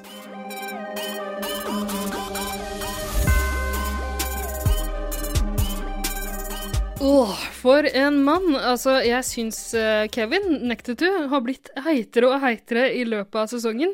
De gutta der, altså til tross for uh, halstatovering uh, à la Crips and Bloods og gangstergutter, uh, så kler de så godt å bare bli litt grann brunere, og jeg tror også, jeg tror også man bare blir litt sånn miljøskadd etter å ha sett dem på TV fire ganger i uka i løpet av en hel vår. Altså, det er et eller annet med det der. Eh, men jeg kan avsløre allerede her nå at eh, jeg fikk ligge med Kevin i løpet av kvelden. Vi tok en tur på toalettet ikke så lenge etter at eh, intervjuet var ferdig. Og jeg gleder meg verre til å få tatovert eh, 110% Paradise-logoen på han. Det skal bli bra. Fin reklame for oss. Uansett, eh, mens jeg sto og prata med Kevin, så eh, kom eh, Tara trekkende med nok en Paradise Hotel-favoritt fra denne sesongen her. Eh, som hun hadde klart å finne fram. Eh, denne gangen var det Tittikongen som drassa med seg. Jeg vet ikke om noen husker Tittikongen, men han, han kalte seg selv eh, han kalte seg selv både Tittikongen og Tinderkongen. Det viste seg etter hvert at han kanskje muligens egentlig mente. Jeg vet ikke om dere husker han. Han gikk ut av Paris Hotel ganske tidlig i løpet av den sesongen her. Og var vel allerede i løpet av den første uka. Eh, akkurat det der tror jeg vi snakka litt om. Jeg husker ikke helt hva vi snakka om. jeg. Hva snakka vi med Tittikongen om? Jeg tror vi rett og slett bare må høre det. Her kommer intervjuet med Tittikongen. Ok, Hva sa du, Tare? Jeg sier Tinnekongen. Introduserer du deg selv. Det er Joakim, Tinnekongen. TK. Tittikongen, som dere også kaller han. Hvilken uke var du røyket? Det er jo dessverre første uke. Men Du er her fortsatt? Du er på fest? Jeg er her på festen. Så klart må jeg være det. Jeg må jo følge folka. Og desidert eh, finalefinalistene, som er kanonfolk. Syns alle sammen er kanonfolk, eller er du litt bitter på noen som kanskje setter deg ut? Ja, både òg. Jeg skulle vært der selv, så klart. Men eh, absolutt eh, en av dem så syns jeg fortjener virkeligplassen. For Det var jo et veldig kort opphold på deg, dessverre. Men samtidig så har du klart å bli en slags eh, Paradise-legende ved å jeg vet ikke, introdusere deg selv med så mye selvtillit. Jeg, jeg virker som jeg har fått mye oppmerksomhet på den første uka. Det er sinnssykt. Brannmann. Ja, ikke minst at jeg er en brannmann som har klart å komme langt i media. Jeg er ikke i Paradise Hotel, beklager, men det er liksom at jeg sa at jeg var TK, Tinnekongen, Det har tatt eh, virkelig eh, av. Ja, Det, eh, vi, vi sleit litt med å skjønne hva du sa. Vi hørte ikke at du sa Tinderkongen, vi trodde du sa Tittikongen. nei, ikke Tittikongen. Jeg sa Tittikongen til han og bare ja, det er ikke det. Det er Tinderkongen, tydeligvis. Hvem er det som er Tittikongen, da? Tittikongen, det vet jeg ikke. Det har, den, den personen har ikke jeg hørt ennå, men det kommer sikkert om 1, 2, 3, så tar sånn hashtag Tittikongen. Hvordan har uh, Tindringa di tatt seg opp etter Paradise-deltakelsen? Har du blitt med på det? Med et kjøtt på kølle? Det har vært eh, nedgang. Eh, etter jeg ble tinnkongen, så har tenkt folk at å, han, han har altfor høy selvtillit. Han har altfor høy på seg selv. Så nei, vet du hva, det har vært mye jobb. Eh, jeg, når jeg tenker at jeg skal gå på date, så er det ikke pga. at jeg skal ha med henne. Det er fordi at jeg skal bli kjent med en jente. Eh, det har vært veldig dårlig med date, det har det. Så eh, dessverre, altså, det har vært en nedgang. Synd å høre, men vi er jo tre ville jenter her i kveld, så det er jo bare å ta for seg. Det kan jeg jo si, Joakim. Jeg- Selv om du var der veldig kort, syns jeg du gjorde en god profil, og jeg liker deg veldig veldig godt. Og Jeg merker, jeg skjønte at produksjonen har fått deg til å si mye drit og sånn, og jeg tror de fleste skjønner det. Ja, ja, jeg håper det, men de fleste tenker at det, åh, det er sånn her. Men eh, det er en Da fasade. er, det, da er det ikke noe å spare på, tenker jeg. Nei, jeg, jeg tenker det er litt, det er litt fasade, det er det altså. Eh, men eh, som sagt eh, Jeg ga mye av meg selv den første uka. Litt for mye, kanskje. Jeg vet ikke. men, Note røyket første dagen, hun kommer i neste sesong. mm, ja, absolutt. Så man skal ikke se bort fra det. Men eh, jeg røyk ikke bort første dagen. Jeg røyk eh, siste, siste dagen i uka. Så jeg, jeg var jo fortsatt med til slutt, holdt på å si. Eh, men eh, ja. På én uke så ga jeg mye liv, og jeg ga virkelig mye show. Så Det er jeg enig i. Og du, er, du har vel kanskje blitt Norges mest berømte brannmann? Kanskje det, kanskje det. Utenom eh, den sexy Bramma-kvinnen som er eh, fra Bærum. Eh, men Kjenner jeg ikke til. Nei, det kjenner jeg til, da. Men eh, på grunn av at det er innenfor Brann- Brannvesenmiljøet, at dere snakker om hun Bærums branndame? Ja, Hun er jo Instagram-kjendis, holdt på å si. Eh, Hva, vil du, hva heter hun? Nei, det husker jeg ikke, men Eh, Gro. Gro. ja. Nei, Gunn var det. Gunn var det. Det er Samme hva hun heter, men altså eh, Same shit. Men ja, kanskje jeg kanskje... Tittekongen. Eh, Tittekongen, ja. ja. Når du nå redder eh, kvinnfolk ut fra brennende hus, stopper de liksom for å ta en selfie med Paradise-brannmannen? Nei, det har ikke vært hittil ennå, har det ikke det, altså. Eh, men det har jo, når jeg har tatt av meg hjelmen, så har det jo uh, ungkvinnfolk, da. Ta, sånn, Å ja, det er, det er TK, jo. så det, det har jo vært litt oppmerksomhet før. Det har det. Tenk å bli Star Trek når du blir redda ut fra et brennende hus. Kull, hva heter det? Kull, kull, kullås... Kullos... Kullosforgiftning? Kullosforgiftning, som Eirik snakka om uh, forrige. Fallosforgiftning? Kullåsforgiften, jeg er veldig Men har du redda ut Har noen dabba på vaks før? Mens du har jobba? Jeg må ikke spørre om det. det Dårlig stemning. By deg på, by deg på. Jeg kan dessverre ikke si så mye om eh, hva jeg har gjort. Eller Har du hva- tatt et ja, har det. Ja, men Du trenger ikke å si navnet, men har noen dabba på jobb før? Joakim. By deg på, by deg på. Nei, jeg, jeg, jeg kan ikke si om noen har død eller ikke. Men Det, Nå ble det veldig mørkt her. Det er et alvorlig yrke. absolutt, det er absolutt det skjer mye eh, kjipt. Det må jeg si. Men, Har du, har du, pleier du å eh, slide ned på en sånn brannstang? Har meg en brannstasjon som er over to etasjer, så har alle en brannstige. Det har gjort det. Så jeg har absolutt gjort det. Har du noen gang liksom strippa på den pollen? jeg har ikke det. Jeg har ikke det. Så det hadde vært sånn eh, morsomt at jeg har liksom kramma oppover, men det er ikke noe ellers. Hvis du hadde drept en av deltakerne i årets sesong, hvem hadde det vært? Nei, den har jeg fått før, så det vil jeg ingen kommentar på. Ja. Ja, men Det ble et veldig mørkt intervju. det her, Beklager det. Jeg Nei, absolutt ikke. jeg håper kvelden blir lysere. Så jeg, håper, jeg håper du kommer til å kose deg maksimalt på kvelden. Ja, Den store. Paradise finalefesten. Dette her er slutten, så jeg skal nyte det. For min del så skal jeg nyte det virkelig, for nå kan jeg virkelig eh, avslutte mitt kapittel. Hva pleier du å si? Den som ler sist? Den som er sist, eh, ler ikke minst, holdt på å si. Jeg vet ikke. Det var nesten. Men funker det? Nei, vet du, hva, det, det, det hører ikke fra meg sist. Det, er, det kommer til å se meg mye framover. Gjør vi det? Har du noen andre prosjekter på gang? Vi får se. vi får se. Uh, hello, hello, hello. Norge brann- Brannmennene. Vi får se. Det kan være Norges beste brannmann, vi får se. Men eh, vi kan jo se framover. Det gleder jeg meg til. Så, men eh, jeg skal ikke si, ikke si hva jeg skal. Nei, men det, det mener, Joakim, er at uh, det er mange her som kommer til å ha leva på i fem år. To år, kanskje. Og så tar det tre år, og da er det ute. Jeg tenker, Du har i hvert fall et yrke du kan gå tilbake til. Ja, Innen fem år så har jeg mer yrke enn de alle her sammen. Så Nei, jeg tenker at jeg har en eh, bakgrunn som ikke de har nærheten av ennå. Men eh, de må Tenk så lættis da hvis f.eks. Morten Borten flytter til Oslo, leiligheten hans brenner, og du redder han. Det hadde vært litt moro, da, det. Og tatt meg på bak, Kan du angre på, Morten? bakskylderen og si at eh, å ja, en eh, nesten to meter høy kar som røyket i første uka, bærer ut en som eh, kanskje eller vant, eller vant hele Paradise. Så hva vet du? Det, og så sier jeg bare 'halla, manna'. Det er sånn Ops, da. Men sånn er det.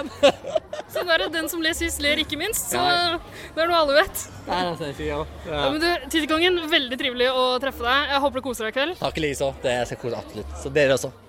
Takk skal du ha. Jeg elsker dere. Ingen her er verdige vinnere. Du skal på huet og ræva ut herfra. Ok, nå begynner fylleangsten å eh, trenge seg voldsomt på. Jeg orker egentlig ikke eh, annet enn å spole gjennom de klippene her. Eh, så jeg gidder ikke å kommentere så mye hva som har blitt sagt her. Dere orker ikke å høre mer på meg eh, nå heller, vil jeg egentlig tro. Men jeg fortsetter å snakke litt til, jeg. Eh, fordi på det tidspunktet her så eh, var vi egentlig ferdig med denne intervjurunda som foregikk Oppe, ute, eh, i bakgården, holdt jeg på å si, på takterrassen til leiligheten over Rockefeller. Vi trakk ned til selve Rockefeller, der finalefesten foregikk. Eh, der eh, var det pilsing og mingling og hygge og kalas eh, fram til selve torsdagsepisoden, altså finaleepisoden av Paris Hotel, ble vist på storskjerm. Og eh, mens vi, eh, som vi har for vane å gjøre, eh, satt oss i en mørk eh, krok og knuga på noen dranks, eh, så fikk vi besøk. Eh, vi fikk besøk av et par kjendiser, må vi vel kunne si. Den ene er en megakjent skuespiller fra TV-serien Skam. Hun heter Ulrikke Falk, hvis jeg ikke tar feil, og spiller Var det William? Hun spiller Vilde i, i Skam. Uh, henne kjenner de til, og den andre som kom bort uh, sammen med denne Skam-Vilde, var en annen Skam-relatert kjendis, uh, nemlig Fanny. Hun, er en, hun er en sånn cyberspace-kjendis, nymotens internettkjendis, som går under navnet Fanny Potter, og hun ble hele nasjonens kjæledegge da hun Jeg tror kanskje hun eh, fornærma eller liksom antasta Skam-William eh, under eh, et intervju eller noe sånt. Og dere har kanskje hørt om henne, jeg vet ikke, jeg håper det iallfall, for hun var utrolig trivelig, og vi må nesten spille eh, altså vår samtale, eller rettere sagt Taras eh, samtale, med eh, disse Skam-relaterte ungdomskjendisene. sånn til glede for ungdommen der ute. Så her kommer altså en aldri så liten prat med eh, Skam-Vilde og Skam-fan Fanny Potter. Vær så god! Ok, jenter, nå var det Perre.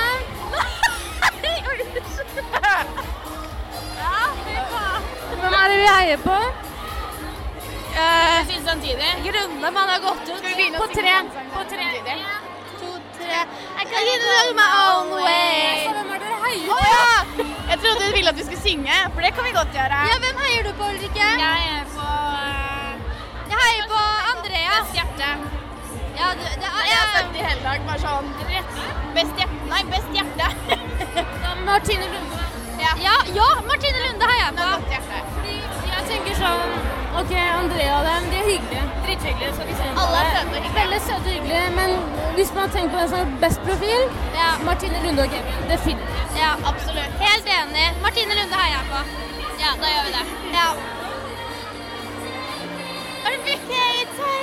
Oi, nå spør Jeg vil bare synge hele tiden, jeg. Ja. Ok, da var det på tre, jenter. Hæ? Syng på tre.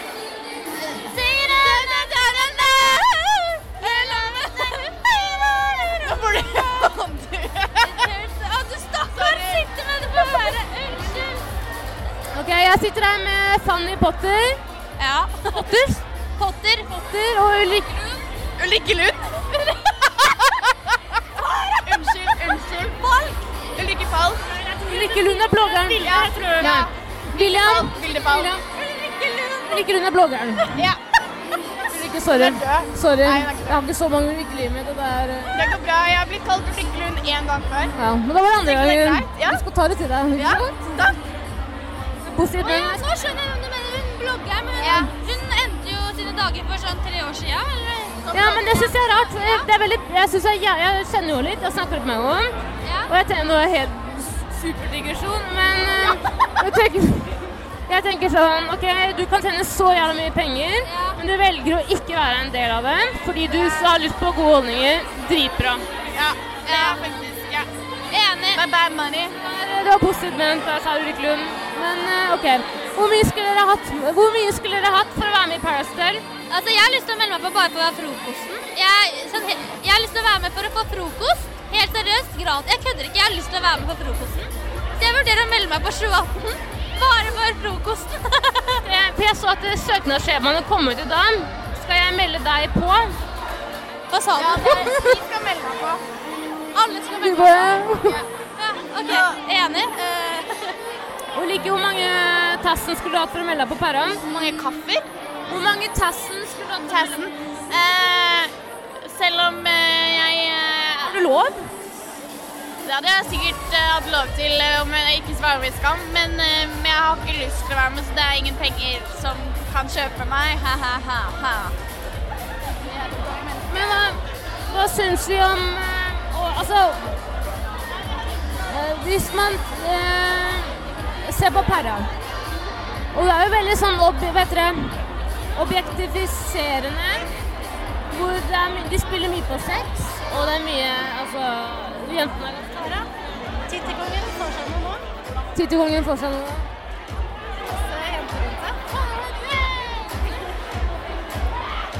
Jeg tenker, altså Hvis det er én ting dere kunne innprinta, innprinta i Paradise Hotel, hva hadde det vært? Hva som helst? En ting vi skal innprinte? Ja, altså, jeg vet ikke faen hva jeg sier, men holdninger, tema, whatever. Å, jeg mener du velger Hva savner dere på Paradise? Å ja. oi. Oi! Kanskje eh, Nei, jeg vet ikke, fordi de blir jo framstilt som kanskje uten at de vil det også. Det er vrient. Men eh, Nei, det vet jeg ikke. Syns Perra er bra, jeg. Jeg tror kanskje Eller jeg savner enda mer crazy oppførsel, da. At folk klikker enda mer, eller bare er helt Ja, det er jo helt teit å si, kanskje. Men jeg syns det er egoistisk når du melder deg på Perra, som er landsprogram nummer én, nummer én underholdningsprogram, underholdningsprogram, reality, og så byr du ikke på deg selv? Ja, det er akkurat det. Jeg skulle ønske at folk var, by- bydde mer på seg selv, at det skjedde mer, da. I hvert fall de første ukene av Paradise. Nå har det jo ikke skjedd en dritt, egentlig. Fordi alle er jo venner. Så det er derfor jeg må være med. Jeg må bare Jeg må, jeg må være mongolid og ha hjerneblødning på TV. Men vet du hva, da kommer jeg seriøst, seriøst med en gang jeg kommer hjem. Skal jeg rydde rommet ditt først, og så melder jeg deg på Perra. Ja, men du må ha kroppsbilder av meg, da. Jeg ordner det. Jeg Har noe Instagram? Tegner. En tegning på paint. Dette er Fanny. Hva var det? Du møtte Petter i stad. Petter? Ja. Slakke-Petter. Hva var det han sa? Du trenger ikke å si det. Nei, eh, han bare gjorde narr av stemmen min. Og det er ganske ironisk, fordi Petter er vel ikke den som Altså, jeg tenker sånn, du skal rydde hjemme først. Ja. Før du begynner å rydde hos andre. Ja, så jeg, vel, jeg vurderte å slå han ned, men så tenkte jeg nei, for jeg er ikke sterk. Men jeg hadde faktisk lyst til å si fra. Men så føler jeg at han er litt sånn hvis jeg sier fra, så er han litt sånn Du, slapp av, da. Jeg har vært på Paradise. Jeg er sånn Du er ingen, liksom. Slapp av, du òg. Så jeg, jeg ville ikke bli mobba heller. Hvis du måtte, ok, du måtte velge Du, skal enten være, du må enten være på en øde øy med eh, Petter Holdt på å si Anders Brembrand. Men Petter eller Petter eller Kristian Rune. Det er Karl Aksel. Å nei. Karl Aksel står rett her borte. Altså, er grunnen til at dere sitter her med oss og unngår ham, har dere ligget med ham begge to? Hvor er han? Eh, Jeg unngår han fordi jeg syns han har klippa seg veldig rart.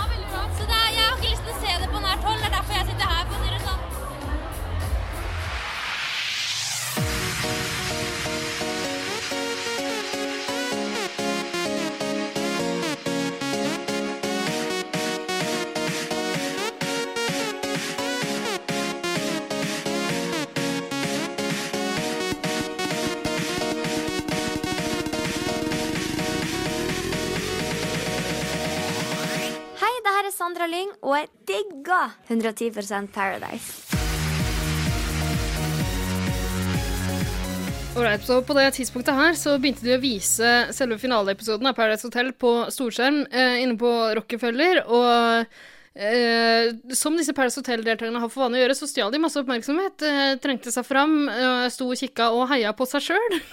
det skulle jo egentlig bare mangle. Eh, nei, men altså, vi koste oss med å se finaleepisoden eh, i det mylderet her av Paris Hotel-deltakere, andre D-kjendiser og et par litt sånn sørgelige 18-åringer som faktisk hadde betalt seg inn på, på festen. Stakkars folk. Uh, Iallfall hygga oss med å se på det. Uh, så nå skal dere høre et lite opptak uh, fra selve Altså, uh, vi, vi kommenterer ikke så mye eh, når vi ser på selve episoden. Vi kommer til å legge ut en egen 110% Paradise-podkast-episode der vi diskuterer finaleuken. Fordi det vet vi at det sitter eh, minst 110 000 fans der ute og venter spent på.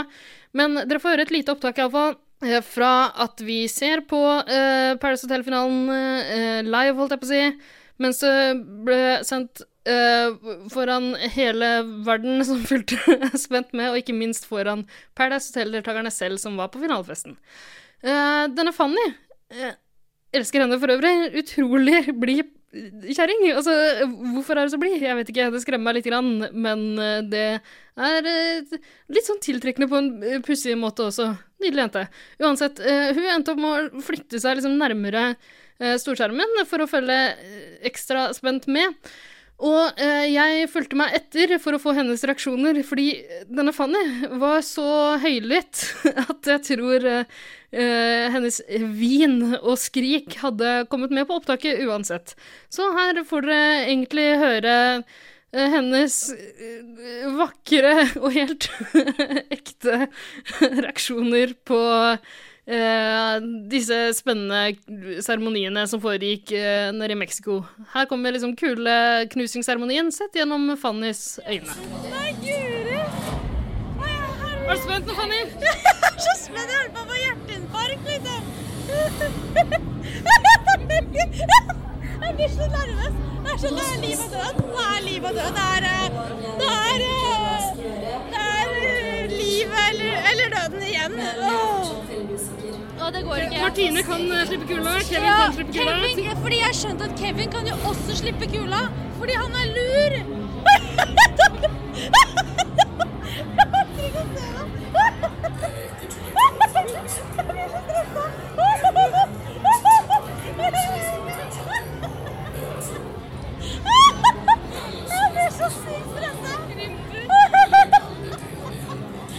Du har jo et slags psykotisk anfall eller noe sånt. Ja, ja, ja, ja, ja, ja, jeg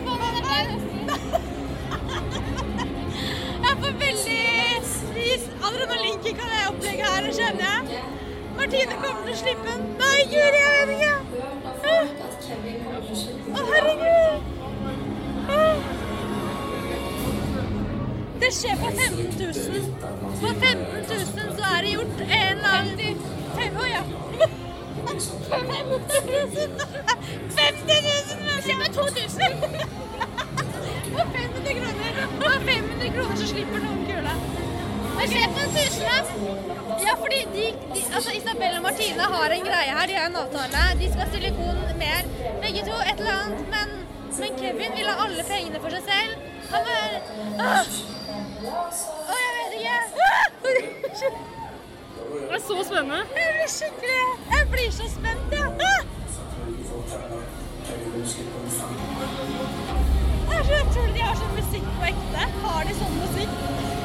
Jeg stoler ikke på Kevin. Nei, du stoler ikke på at du kommer til å slippe en, i hvert fall en av de slipper. Du slipper. Noe kommer til å slippe. Det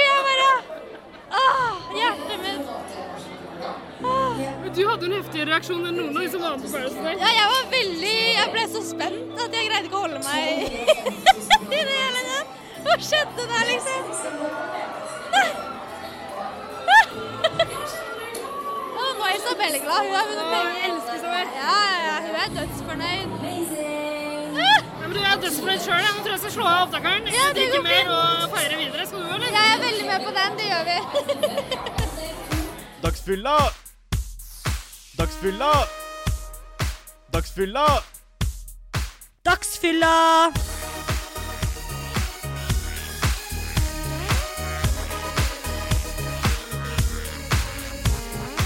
Åh, jeg begynner å føle meg litt som sånn eh, eh, kommentator, som sportskommentator på TV, egentlig. Bare ekstremt mye mindre forberedt. Kanskje, jeg vet ikke, en sånn kommentator under Eurovision-sendinga. Noe sånt noe. Fordi det her er jo på en måte enda mer harry enn enn liksom det å kommentere en fotballkamp, syns jeg. Jeg kommenterer meg selv og eh, mine venner og en rekke D-kjendiser på en finalefest for en realityserie. Herregud. Hva er det jeg gjør med livet mitt? Ja, men eh, nå har jeg starta, så jeg tror jeg bare fortsetter. Eh, ok, Så etter at vi hadde sett eh, finaleepisoden, eh, etter at eh, Martine og Isabel fikk utdelt hver sin eh, pengesjekk de spratt noe sjampis på scenen og bla, bla, bla, en avskjedssaler og sånn. Så øh, festa vi videre. Altså, kalaset fortsatte jo, selv om TV-sendinga var ferdig. Så øh, det som skjedde videre, var at Tara øh, dreiv og lette etter eh, Carl Oskar, også kjent som Carl Aksel, som var med på Paradise Hotel i fjor. Så vidt jeg så, jeg tror han var den eneste av de gamle deltakerne som dukka opp på festen. Det er veldig rart, fordi vi har jo sett på sosiale medier at f.eks. Mayu har vært ekstremt opptatt av årets sesong, og kanskje tyne kjendisstatusen hans til å vare litt lenger, på en måte. Men iallfall, eh, Carl Oskar var eh, den eneste som var til stede. Han hadde på seg solbriller inne. Ganske ufordragelig type. Ok, så Tara gikk rundt og lette etter Carl Oskar for å få et slags intervju med han. Ehm, jeg fikk nok av Carl Oskar på fjorårets finalefest da han prøvde å knabbe drinken min. Eh, drittsekk. Eh, så jeg gadd ikke være med på den leitinga. Jeg gikk heller for å uh, se og høre Grunde, faktisk Gründer, Uh, Grunde eh, eh, synge. Han opptrådte på scenen med eh, sin signaturlåt 'Starboy', som han fremførte på sedvanlig fortreffelig vis. Eh, den gutten kan engelsk, den gutten kan tekst, og den gutten kan det å opptre på eh, scenen på Rockefeller Guriland. Det var en syrete kveld. Ok, så Mens jeg stakk og gjorde det, så uh, letta altså Tara etter um, Carl Oskar, Carl Aksel, og her får dere høre et lite klipp av Jeg tror, jeg, tror det er Carl, Nei, jeg tror det er Tara som først klager litt over uh, ikke å finne Carl Oskar, eller noe sånt, og så kommer etter hvert et kort og pussig intervju med han, tror jeg. Ok, dere får bare høre hva som skjer. Jeg vet ikke, jeg orker ikke mer.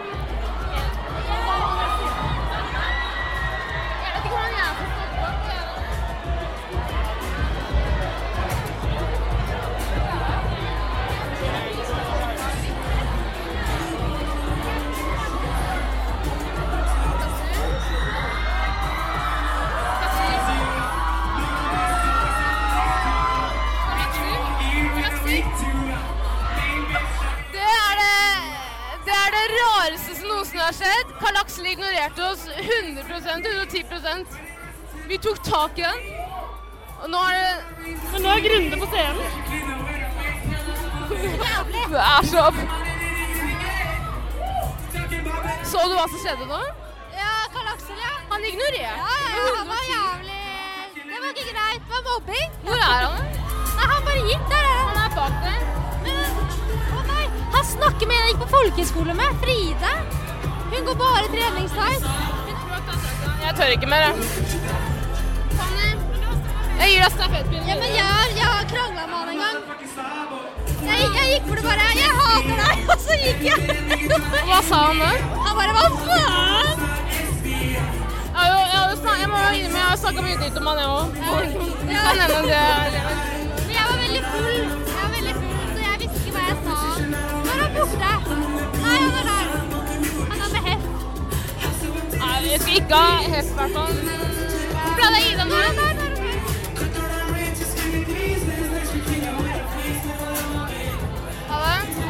Du, Karl Aksel, hvordan føles det å være her ett år? Det er veldig gøy å være her. eh, Men eh, jeg er klar for å dra videre. Jeg er litt, eh, litt klar her nå. altså. Litt Men du, er enig, men du er enig at det er veldig mange som har prøvd å på en måte herme etter din karakter? Ja, jeg, vet, jeg vet vet ikke hva jeg skal svare. Det er ingen som kan være som Karl Aksel, så du finner ikke, du finner ikke meg på, på et tre, for eksempel. Det er bra sagt. Eh, har du ligget på noen av årets deltakere? Det har jeg, vet. Kan du si, kan du si hvem det er? Jeg har hatt en liten flørt med Isabel. Olø, olø. Det blir ikke noe, det blir ikke noe reunion i kveld. Det blir ikke noe reunion. Det er godt å høre. Men eh, tusen takk, eh, Karl Aksel. Takk skal du ha. Tusen takk for praten. Altså, aner dere hvor vondt det er å bli øh, konfrontert med sin egen fylleangst så voldsomt? Altså, jeg, jeg utsetter meg selv frivillig for det her. Jeg spiller av klipp fra en av de kleineste kveldene i livet mitt. Og må høre igjen det og i tillegg kommentere det for verden. Altså, det her er jo helt katastrofe. Uh, heldigvis så prøver jeg nå å matche fyllenivået mitt ved å uh, ta en Tequila-shot hver gang noen nevner 110 og hver gang jeg blir flau. Så det har blitt en del shots for meg. Begynner å bli full. Jeg tror jeg skal gi meg nå straks. Vi må bare få med ett sånn lite intervju til, helt på tampen her. Det har sånn nemlig sånn at jeg støtter på Sofie, Paradise Hotel-Sofie, um, også kjent som King, Kim Jong-sof, uh, på tampen av denne finalefesten. Så uh, jeg fikk jo et slags intervju med henne, men uh, det skal sies at eh, hun var litt sånn hissig. Altså, hun var litt defensiv. Hun har eh, ikke hørt noe særlig på 110% Paradise, men hun har fått med seg, eh, åpenbart fra Grunde, at vi driver og eh, hetser folk. Eh, så det vil si at vi gjør jo egentlig bare det samme som alle andre TV-seere eh, gjør, bare at vi tar det opp og publiserer det på internett. Og det liker ikke Sofie. Jeg kan jo egentlig skjønne det lite grann. Jeg vet ikke helt, jeg. Men eh, så Nei, Sofie var litt sånn defensiv og og sint, eh, og da ble jeg også veldig defensiv og sint. Jeg ble aggressiv og sint, det ble jeg. Så jeg tror det intervjuet ble veldig rart, men jeg fikk nå en liten prat med henne sånn på slutten av kvelden, så jeg tror vi bare skal høre på det. Uh, ja, vi gjør det. OK, vær så god. Hør på intervjuet med Sofie. Hei, Sofie. Hei, hei. Du, hvordan føles det nå? Altså, det var eh, nesten, nesten seier. Vet du hva, tape mot Kevin og Lunde er helt greit. Det er helt, helt, helt, helt greit. Så det føles ikke noe bittert. Altså, jeg tenker jeg kom i- på andreplass på Paradise Og det er en seier i seg selv, hvis du spør meg. Av så mange mennesker som er på hotellet her og kom på andreplass. Veldig bra. Spesielt etter at du, gikk ut, og så kom du inn igjen i siste liten. Altså. Det var jo litt uventet. Jeg var litt utenfor. Det er verste dagen i mitt liv. Ja, men eh, det er vel kanskje en seier i seg sjøl å komme til finalen, eller? Er det en seier i seg sjøl å komme til finalen? Ja, det syns jeg absolutt. Og jeg syns alle som har vært med i år, skal være stolte av seg selv. fordi at eh, Det er ikke lett å være med på Paus Hotel og komme så langt som det vi har gjort. Det er en seier i seg selv. Om man vinner eller ikke, så er det en seier. Eh, Av en eller annen grunn så er det du som har endt med å få ganske mye sånn hate nå på slutten av sesongen. Har du har lagt merke til det, eller? Jeg har lagt veldig merke til det. Eh, ungdommen sitter på sosiale medier og hetser eh, deg og Andrea. Hva, hva syns du om det? Hvis de har lyst til å dømme oss ut fra TV-program, skal de få lov til det. Og de blir oss, så tror jeg ikke de har sagt det samme. Syns du det er litt urettferdig? Nei, det er greit. Folk må få lov å ha de meningene de vil. Det er helt greit. Og så som jeg sier at Paradise Hotel er et spill, og det er ikke alle som klarer å skille spill fra virkelighet. Og da må de nesten bare gjøre det. Eh, ok, så eh, Hvis du hadde stått i finalen med Morten, hadde det blitt noe kuleknusing nå? Nei, absolutt ikke. Aldri. Jeg, uansett hvem jeg stått i finalen med, så hadde jeg ikke klart å ta fra noen så mye penger. Det hadde jeg aldri klart å gjøre. Aldri. Hva hadde, hva hadde du brukt penger på hvis du hadde vunnet? Hadde det blitt tur til Mexico? Det hadde blitt jorda rundt-reise. Ja. En liten tur innom eh, Paradise Hotel i Mexico, eller? Kanskje, vi får se. Det koster 700 000 i uka, så jeg hadde ikke hatt råd med pengene uansett. Det er kult å ha fått oppleve det, da. Ja, det har vært kult. Er det noe du angrer på gjennom eh, oppholdet? Jeg angrer, Det eneste jeg angrer på, er fylleprat mellom meg og Kevin, for det er ikke noe jeg for god for. Men alt annet kan jeg stå for. Det er veldig trivelig å møte deg. God i kveld.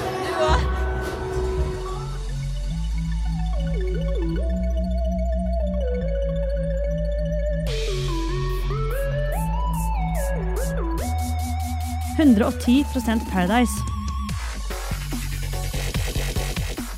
right, så det her var altså uh, slutten på uh, Iallfall opptakene vi gjorde på finalefesten. Uh, det er også Det nærmer seg også slutten på denne store uh, finalefest-ekstravaganza-bonusepisoden av 110% Paradise. Takk og lov for det. Eh, hva kan jeg si? Jo, jeg kan også glede dere ved å opplyse om at vi fikk ligge i løpet av kvelden. Jeg lå med Kevin, som nevnt, og fikk også tatt en kjapp en med Triana. Uh, Tara fikk ligge med Grunde, som hun hadde gledet seg voldsomt til. Det tror jeg hun var rimelig fornøyd med. Uh, Ingvild fikk ligge med Tittikongen, og alle er glade og fornøyde. Det var en fin kveld for alle. Uh. Ålreit, så um, jeg tror jeg bare skal takke for meg. Takk for at dere å høre på så langt. Dere er sjuke i huet. Det er vi òg, og vi kommer altså tilbake igjen med uh, iallfall én episode til uh, for denne sesongen her av 110 Paradise. Um, der vi på en måte skal oppsummere finaleuka på Paradise Hotel 2017. Og ellers må jeg bare minne dere på at vi finnes på Facebook. Uh, søk på 110% Paradise, og finner oss der. Uh, vi finnes også på Instagram. Der legger vi ut masse uh, snasende greier. 110% Paradise heter vi der. Og stikk nå for helvete inn på iTunes og gi oss en sånn rating der. Fem stjerner, eller skriv et lite review. Altså, Gi oss iallfall fem stjerner, da. Herregud, ellers så dreper jeg dere. Vær så snill. Uh. Jeg får en sånn lite støt hver gang jeg drapstrur folk. Beklager det. Men jeg mener det. Jeg dreper dere. Og mora deres. Og lillebroren deres. Eh, Så stikk nå inn. Følg oss overalt. Rate oss. Gjør alt det der. Takk for meg. Ha det bra, da. Hør på 110% Paradise. Alltid. Ha det bra.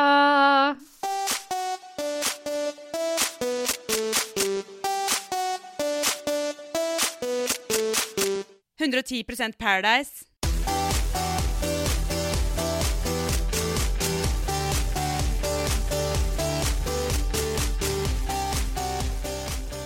Som er sist, eller ikke minst, holdt på å si. Jeg vet ikke.